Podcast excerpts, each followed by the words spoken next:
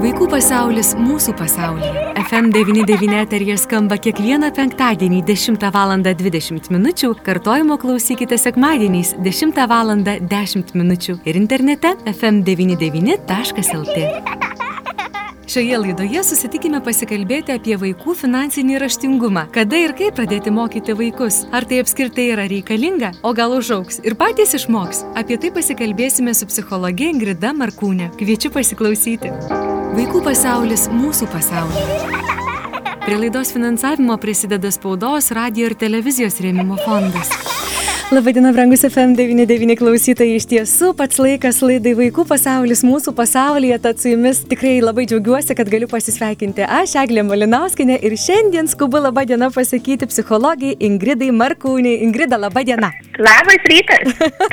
Taip, siunčiame linkėjimus jums iš Alitaus, šiuo metu saulėto ir gražaus, bet žinot, orai permainingi. Na, tai tikiuosi, kad tikrai bus graži diena mums visiems. Ir Ingrida, šiandien žinau, kad daug laiko mes neturime, tad iškart grėbiu jauti už ragų. Aha. Ir labai noriu Jūs pakalbinti apie vaikų finansinį raštingumą, nes e, tikrai, ko gero, kiekvienam žmogui yra svarbu turėti tą savarankišką tokį finansinį krepšelį ir galėti ir gebėti juo, na, kažkaip laviruoti. Tai jeigu kalbėtume apie vaikus, kada reikėtų pradėti vaikams jau gal, na, duoti kažkokių asmeninių finansų, ar leisti jiems gal užsidirbti, kur yra ta pati pradžia ir kaip reikėtų pradėti? Na, tikriausiai nėra tokios kažkokios labai labai griežtos ribos, nuo kurios reikėtų pradėti dėkti finansinius pagrindus vaikams, tačiau čia kaip ir su visais, žinot, kasdienio gyvenimo įgūdžiais, tokiais kaip rankų plovimas, atliekų rušiavimas ar mandagumo mokymas. Mokome nuo mažens. Tiesa, vaikai ir patys yra aktyvūs mokymosi proceso dalyviai, mums dar nenumanant, kad jie tai daro. Na, pavyzdžiui, juk suprantama, kad vaikai mokosi nuolat stebėdami mūsų elgesį, tiesa?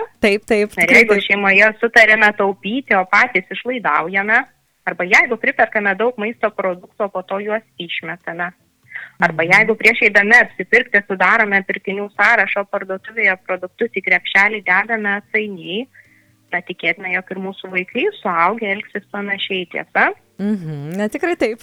taip. Be to, tokiu būdu jie dar ir sužino, kad na, galima kalbėti vieną, daryti kitą, nes taip daro mūsų tėvai. Tai dažniausiai vaikai mokosi kartodami mūsų elgesį. Tai labai Mhm. labai gerai, jeigu mūsų žodžiai ir veiksmai dera tarpusavį. Mhm, Na, jūsų klausydama aš galvoju, kad turbūt, kai norisi vaikus jau to finansinio raštingumo mokyti, turbūt ne vienam tėčiui ir mamai tenka patiems pradėti pagaliau mokytis ir šiokios tokios, na, disciplinos įsivesti, ar ne? Tikrai taip ir pažvelgti į save iš, iš šono, pažiūrėti, kokie mano įgūdžiai, kaip aš tvarkausi su tais finansais, ar ne, nes tai yra pavyzdys, kurį mato vaikai. Na, o jeigu tėveliai nėra tokie labai stipriai finansiškai raštingi, kurie, kaip ir jūs minėjote, susidaro sąrašą, na tikrai tikiu su tą mintimi, kad viskas šį kartą pagal sąrašą ir ne kitaip, bet na, eina ir pavyksta kaip visada.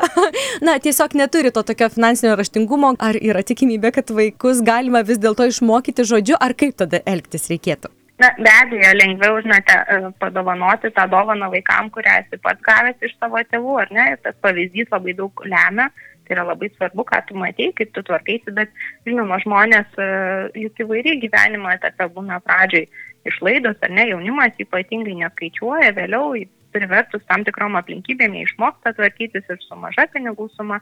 Tai šitie įgūdžiai yra išmokstami, tik tai reikia ko gero nu, va, tų, tų aplinkybių palankių gyvenime ar ne, kažkokių gal šeimininių kažko. Ir tiesiog daugiau mažiau žmonės e, privalo išmokti. O jeigu ne, tai ką, tai nuolat skolose gyvena, ar ne, skolinasi kredite.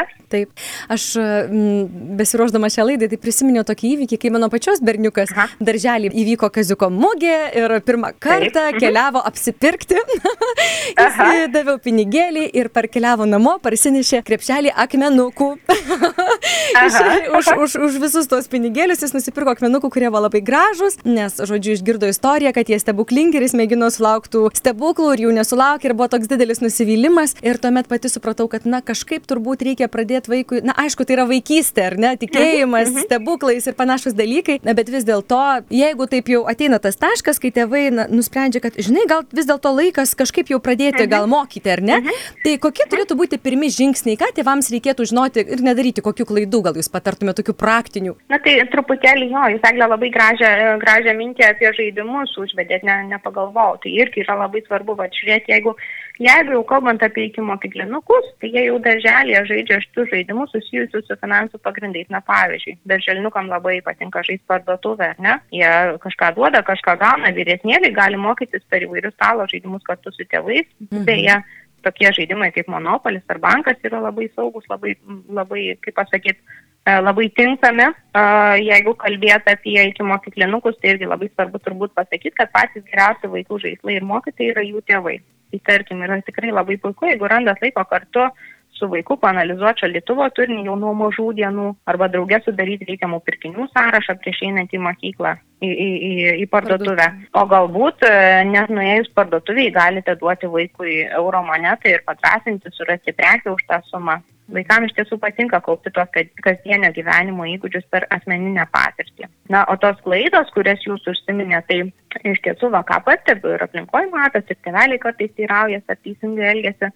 Tai e, klaida turbūt pagrindinė būtų ta, e, kai tėveliai pinigus naudoja kaip drausminimo priemonę. Na, tarkim, e, vaikai, tėvai tikisi paskatinti tam tikrą vaikų elgesį, pageidaujamą kažkokį, ir už tai, na, pasiūlo sumokėti, ar ne, atneš gerą pažymį, gausi pinigėlį arba prižiūrėk augintinį, e, užsidirbsi, tai pageidaujama elgesio skatinimas piniginė išaiška labai mažai ką bendro turi su tiek su pozityvia disciplina, tiek su vaiko atsakomybės jausmo formavimu. Sakyčiau, gal net priešingai, todėl tikrai, tikrai nerekomenduočiau skatinti vaikų pinigais už darbus, kurie įeina jų privalomų darbų tai yra pareigybių kažkokį sąrašą. Na, mhm. pavyzdžiui, drausmingas elgesys, geri pažymiai arba namų ruošos darbai, tai yra privaloma ir taip. Kas tuomet yra galima įtraukti į tą sąrašą, nes turbūt irgi pajusti tą, kad, na, va, aš užsidirbu ir tai mano asmeninis tikrai mhm. visiškai pinigėlis. Kas yra galima? Mhm. Na, tai tarkim, vis dėlto, jeigu vaikas nori ir jeigu šeimai tai yra priimtina, tikrai galima sudaryti sąlygas vaikui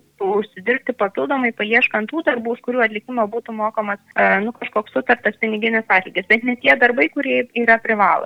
Tarkim, svarbu, kad tai būtų kažkokie darbai, kuriuos tėvai atlieka, kurių tėvai um, na, ne, neatlieka kiekvieną dieną. Ir čia turbūt jau kalbėtume apie vyresnius vaikus. Mhm. Na, tarkim, galbūt kažkoks langų plovimas, valymas, galbūt žolė, žolės pjovimas.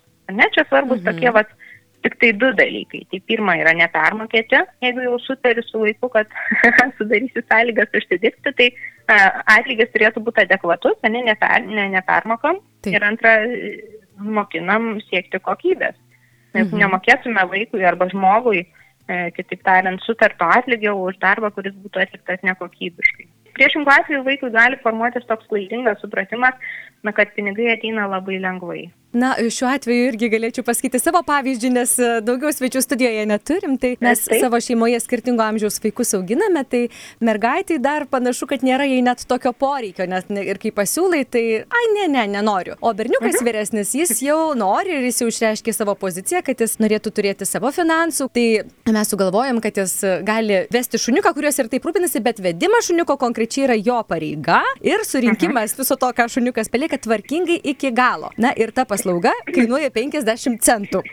tai, tai va nežinau, kiek tai yra adekvatu, kiek ne, bet jis iš tiesų labai noriai tą daro ir rūpinasi ir drauge mokosi ir kaip tvarkyti aplinką ir kaip pasirūpinti nuo pradžios iki galo. Taip, puiku, puiku. Žinoma, mhm. kodėlgi ne.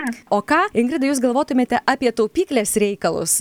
Taupyklė yra tas dalykas, kur tu neusidirbina, bet tu gali taupyti, taupyti, taupyti ir kažkiek vis tiek susitaupyti. Taupyklė yra gera priemonė irgi vaikams finansinio raštingumo pradžiai, pavyzdžiui. Aš gal labiau galėčiau pasisakyti apie kišenpinigius, nes tai yra labai aktualu, mhm. ypatingai tada, kai mes e, išleidžiam savo pirmokėlį į mokyklą. Dažniausiai pirmieji kišenpinigiai sutampa su vaiko pirmaisiais metais mokykloje, ar ne?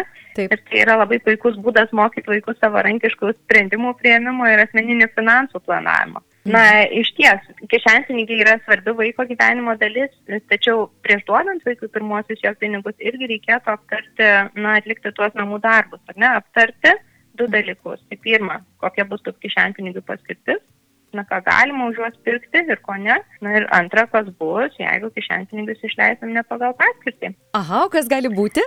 kokios pasiekmes, pasiekmes kokios na, gali pasivyti? na va, tai pirmieji susitarimai, ar Taip. ne, jeigu vaikas manote, kad yra pakankamai brandus turėti savo pirmosius kišenpinigius, Tai ir susitarėm, kam, bus, uh, kam jos bus galima išleisti ir kam ne. Jeigu vaikas pinigus išleis ne pagal paskirtį, mhm. na, sakykime, pirks ten kažkokius daiktus ar, ar nežinau, saldumynus ar dar kažką daugiau, kas, kas jums atrodo nepriimtina, vadinasi, kažkaip kišenpinigių sistemą reikės vėl perskati, susitarti naujas taisyklės, ar ne, galbūt apsiriboti kišenpinigių e, suma kažkokia. Iš tikrųjų, tai yra rekomenduojama pradėti nuo mažesnių sumų ir duoti jas dažniau, tarkim, po eurą kasdieną arba po, nu, nežinau, pusę euro. Nu, turbūt, kad po euro būtų ta suma mhm. tokia optimaliausia.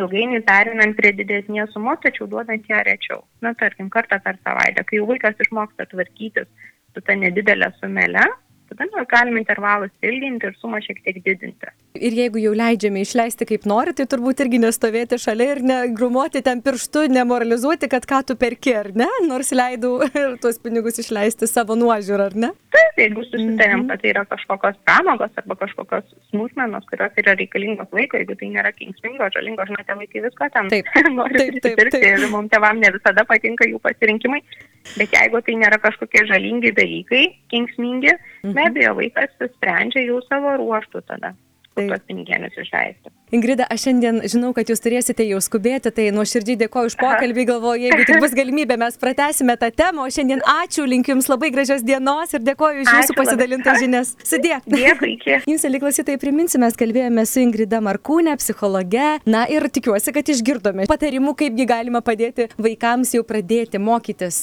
to finansinio raštingumo. Ir, na, nepaslaptis tikrai, jau kai suprantame, kad vaikams laikas mokytis, neretai taip atsitinka, kad ir mums pasimokyti ateina metas.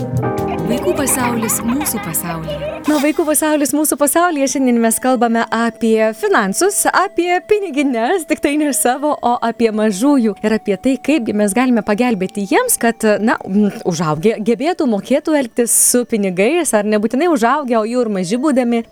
Ir mes visai neseniai kalbėjome su psichologė Ingrida Markūnė, kuri mums papasakojo daug įdomių dalykų, pasidalijo praktiniais patarimais ir aš dar noriu jums, mėlyjeji, papasakoti iš tiesų labai gerą straipsnį, esu skaičiusi mamo žurnale, kuriame kalbėjo psichologija Rasa Kučinskienė, tad norėčiau jums taip pat čia bei tą įdomaus iš to papasakoti, na, cituodama, galbūt užaugę mūsų vaikai kiekvienas turės asmeninius finansų konsultantus, kas, na, yra pakankamai populiaru, galbūt apčiuopiamų pinigų visai nebus. Tačiau kol kas dar mes nešiojamės piniginės ir savo vaikus turime išmokyti elgtis su pinigais. Tai štai patarimais dalyjosi psichologija Rasa Kučinskienė, kuri ne tik patarimais dalyjosi, bet ir pavyzdžiais. Aš tai pavyzdžiui, šešiametė Sandra verkdama įbėga į virtuvę ir skundžiasi, kad pametė kelias savo naujos dėlionės dalis, todėl negali užbaigti paveikslo. Ir kągi sako mama, nesijaudink bragutė, nupirksim tau kitą.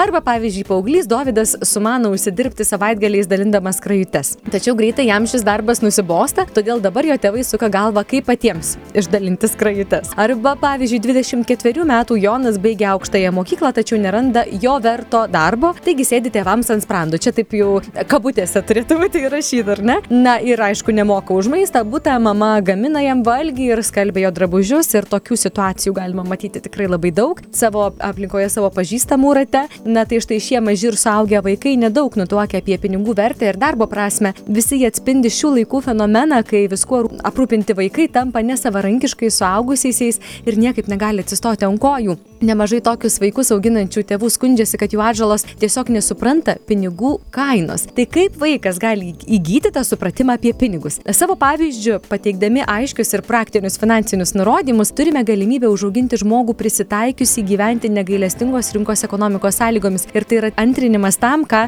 pasakojo gerbiama Ingrida Markūnė, kad iš tiesų mūsų pačių pavyzdys yra geriausias mokytojas. Ir neseniai teko girdėti tokį pokštą. Kailiais apsitaisiusi moteris stumia vežimėlėje sėdintį savo paauglį sūnų, na ir praeivis paklausė, ar jis negali vaikščioti. Moteris atsakė išdidžiai, žinoma, kad gali, tačiau ačiū Dievui, jam nereikia vargintis. Tai šiomis patirtimis dalyjosi psichologija Rasa Kučinskienė. Šis pokštas, aišku, labiau graudus nei kad juokingas, yra gera užuomina tėvams, kurie mano, kad turi užtikrinti vaikams nerūpestingą vaikystę, nes nori padaryti juos laimingus arba, pavyzdžiui, tiesiog dar per maži, ar ne? Tai irgi nereta tokia frazė, kuri skrieja iš tėvų lūpų.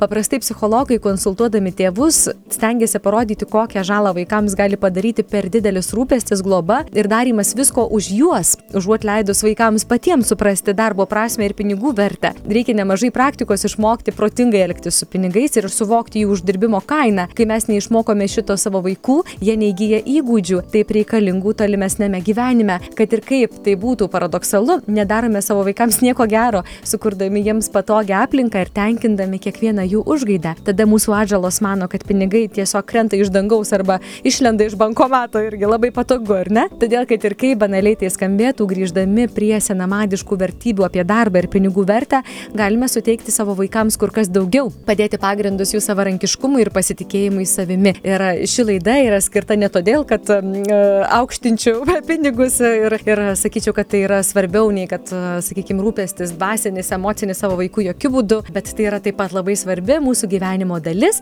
Tad uh, ši laida būtent tam ir skirta. Tad kaip mamo žurnalas yra rašę, šeši paprasti dalykai, kurie padėtų vaikams išmokti elgtis su pinigais. Pirmiausiai, išmokykime taupyti.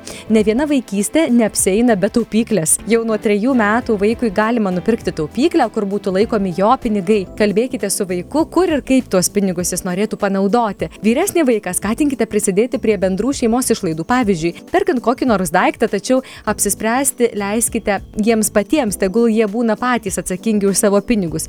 Jokių būdų neverskite vaiko atiduoti jo sutaupytų pinigų šeimos labui ir slapta nekrapštykite vaiko taupyklės, kai labai reikia pinigų, naiviai tikėdamiesi, kad jis vis tiek to nepastebės. Geriau jau reikalui esant paprašykite paskolinti ir būtinai gražinkite. Dabar populiaru drausti vaikus gyvybės draudimu. Jeigu apdraudėte savo vaiką, parodykite jam draudimo polisą, pasakykite, kiek pinigų jis gaus užaugęs. Šis vaikystės patyrimas gali padėti paversti taupimą tokiu jau vertingu gyvenimo įpročiu. Antras dalykas, kurį siūlo mamo žurnalas e, įdėkti į savo kaip tėvų ir vaikų kasdienybę, duoti vaikams kišenpinigių. Apie tai mums neseniai pasakojo ir Ingrida Markūnė. Tai iš tiesų tas patarimas, kuris yra labai svarbus. Reikia nemažai laiko norint tapti sumaniu ir atsakingu vartotoju, kuris galėtų suderinti savo išlaidas ir pajamas, tuo būdu išvengdamas skolų. Kai vaikas gauna kišenpinigių, jis anksti išmoksta taisyklę. Nėra pinigų, nėra ir už ką pirkti. Tai skatinkite vaiką siekti trokštamo daikto ir išmokti nusivilti jo negavus. Troškimas yra pozityvus jausmas ir suteikia kur kas daugiau džiaugsmo negu gavimas visko tą pačią minutę.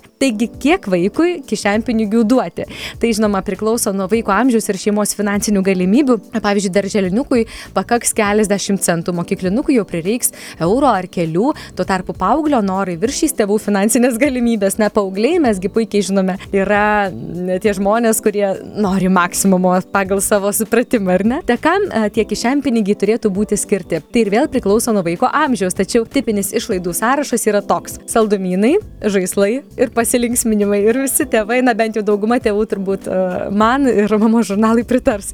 Kita kartą, kai jūsų vaikas ko nors kaulydamas pradės savo įprastą giesmelę, aš noriu, paprasčiausiai paklauskite, ar manai, kad gali tai sauliaisti. Tuo atveju išvengsite spaudimo ir atsakomybę perkelsite jam, juk sprendimas bus paties vaiko. Jam tai bus pirmosios biudžeto pamokos. Trečias patarimas, kuris galėtų pagelbėti ir būtų tikrai svarbus, įtraukite vaiką į namų ruošą, bet nemokėkite už kasdienius darbus. Ir tai irgi paantrinimas mūsų šios laidos viešniai Ingridai Markūniai. Vaikai turi įgimtą norą ką nors daryti, tačiau dažnai jų darbštumas taip ir lieka neišnaudotas. Neredai sakome, leisk aš pati, ar ne? Arba netrukdyk, arba nesimaišyk po kojom. Na, to, to, tos frazės, tie pasakymai neretuose namuose skamba, prisipažinsiu, mano namuose taip pat, kai norisi greitai ir paprastai, bet vis dėlto reikėtų leisti vaikui mums padėti. Jau trejų metų vaikai mielai padeda dengti stalą, kloti lovą, padavinėja tėčiui varštus ir įrankius. Žinoma, vaiko darbas nebus tobulas, tačiau pasistengkite nekritikuoti. Nustatykite protingas laiko ribas namų ruošos darbams atlikti, tačiau atminkite, kad išlaikomas dėmesys priklauso nuo vaiko amžiaus ir užduoties. Laikykitės paprastos ištvermės taisyklės. Dvi minutės dvimečiui, trys trimečiui ir panašiai. Kai užduotis įdomi, šis laikas gali būti kur kas ilgesnis. Pavyzdžiui, vaikams labai patinka darbai susiję su vandeniu. Laikui bėgant, vaikas išsiugdys savidiscipliną ir netokioms smagioms užduotims atlikti. Supras, kad ne visi darbai, kuriuos reikia atlikti, yra įdomus ir malonūs. Ir vaikams nereikia mokėti pinigų už kasdienius namų ruošos darbus, kaip ir kalbėjo Ingrida Markūnė. Tai sudarys jiems klaidingą įspūdį, kad bet koks darbas suteiks piniginį atlygį. Bet juk niekas nemoka už darbą mamai, ar ne? Juk mama tai didžioji namų darbuotoja, darbininkė, bet pinigų už tai negauna. Taigi priminkime vaikams, kad visi šeimos nariai turėtų prisidėti prie namų tvarkymo. Tačiau vaikai turėtų patirti ir atlygio džiaugsmą, kai jie padeda šiek tiek daugiau, pavyzdžiui, padeda jums dažyti sienas ir jūs užuot samdę darbininkus išnaudojate jų darbo jėgą. Tuo atveju, kai darbas baigtas ir gerai atliktas, sąžiningai atsiskaitykite. Ketvirtasis patarimas, kuris taip pat yra labai svarbus - nenaudokite pinigų skatinimui ir bausmėms, kaip taip pat pasakojo Ingrida Markūnė. Tai yra dažniausia tėvų klaida, jeigu šiuose m, pavyzdžiuose atpažinsite save, pats laikas būtų permastyti, ko iš tiesų jūs mokote savo atžalą. Taigi, pasakoju pirmąjį pavyzdį. Mykolas sutinka gerai mokytis, jeigu pažadėsime jam piniginę premiją už kiekvieną dešimtuką. Citatos pabaiga.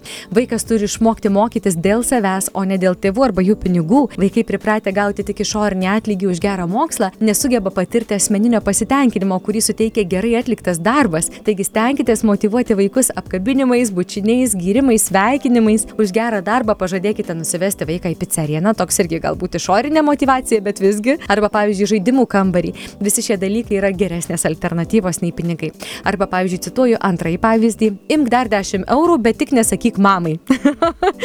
Iš tiesų nieko blogo kartais papildomai pamaloninti vaiką, tačiau kai tai daroma bandant nusipirkti jo meilę arba konkuruojant su kitu sutoktiniu, toks bandymas gali iš tiesų suskaldyti šeimą. Nors tai atrodo juokinga, bet iš tiesų e, realiai visiškai nėra juokinga. Dar vienas iš svarbių patarimų - neslėpkite nuo vaiko savo šeimos finansinės situacijos. Iš tiesų vaikui nėra reikalo žinoti visų šeimos biudžeto detalių, tačiau kokiu būdu vaikas galės priimti tam tikrus apribojimus, jeigu jis nežinos, iš kur tie apribojimai atsiranda, ar ne? Dažnai tėvai baiminasi, kad vaikas išplėpės kitiems, todėl prieš pradedant kalbėti su vaiku apie finansinius dalykus reikia susitarti dėl slaptumo. Paaiškinti vaikui tik labai bendrus dalykus, pavyzdžiui, kad išleidote daug pinigų remontui, šiuo metu esate paėmę paskolą iš banko ir neturite pinigų, arba kad mamytė dabar nedirba, nes prižiūri broliuką ir gauna mažiau pinigų na ir panašiai. Kai vaikai jau paaugę, galite pabandyti sudaryti šeimos finansų tarybą, kurioje kartu su vaikais aptartumėte didesnius pirkinius ir planuojamas atostogas. Skamba iš tiesų nuostabiai. Net man, saugusiam žmogui, tai vaikams turbūt e, galimybė sudalyvauti šeimos finansų taryboje būtų tikrai toks, na, labai jau įvertinantis momentas. Prieš tai, aišku, paaiškinkite, kad viskas, ką jūs aptarėte, yra griežtai konfidencialu ir tas, kuris sulaužė šią taisyklę, bus pašalintas iš tarybos narių. Aptarkite su vaikais kasdienę šeimos išlaidas, tuo būdu ne tik parodysite vaikams, kur išleidžiate pinigus, bet ir motivuosite juos prisidėti prie bendrų finansinių problemų sprendimo. Na ir dar vienas patarimas jau paskutinis šioje laidoje - papasakokite vaikams apie savo darbą. Pasikalbėkite su vaikais apie tai, ką reiškia užsidirbti pragyvenimui. Net pradinukai nėra per maži apie tai išgirsti. Jeigu jums patinka jūsų darbas, pasidalykite su e, šiuo jausmu su vaikais. Jeigu jo nekenčiate, pasakykite, kad jame yra ir teigiamų dalykų, kurie jūs laiko šiame darbe. Alga, pavyzdžiui, saugumas arba tai tik tarpinis laiptelis jūsų karjeroje. Kai vaikai nelabai žino, kaip jų tėvai uždirba pinigus, jie nesieja darbo su pajamomis, progai pasitaikius būtinai nusiveskite vaiką į darbą, ypač jeigu dirbate mėgstamą darbą. Jeigu jūsų įstaigoje ar organizacijoje mažieji lankytojai nepageidaujami, atsiveskite juos savaitgaliais. Tam, kad užaugintų pasitikinčių savo jėgomis vaikus, tėvai turi vadovautis ne tik savo širdimi, bet ir protu. Tai nemažas iššūkis ir išbandymas, tačiau patikėkite, įdėtos pastangos tikrai atsipirks ateityje. Tai va, aš labai labai linkiu mums visiems stiprybės, kantrybės, tikiuosi, kad išgirdote kažką naudingo jums, jūsų šeimoms ir jūsų vaikams. Kvieščiau parašyti, kad ir į FM99 Facebook paskyrą, o kaipgi jums sekasi, kaipgi jums galbūt pavyko iša, išugdyti savo vaikuose tokį tikrai gerą finansinį raštingumą. Būtų labai įdomu sužinoti ir jūsų žiniomis pasidalinti ir su kitais tėveliais ar, ar pedagogais pagaliau. Ir, ir vaikai patys ir vyresnėji vaikai galėtų paskaityti ir tomis žiniomis pasinaudoti. Tai būtume labai dėkingi. O šiandien aš dar dėkoju šios laidos viešniai Ingridai Markūniai psichologijoje, taip pat ir mamo žurnalui už tokį įdomų ir tikrai labai, ko gero, naudingą mums visiems straipsnį. Vaikų pasaulis mūsų pasaulyje. Laida iš dalies finansuojama spaudos, radio ir televizijos rėmimo fondo.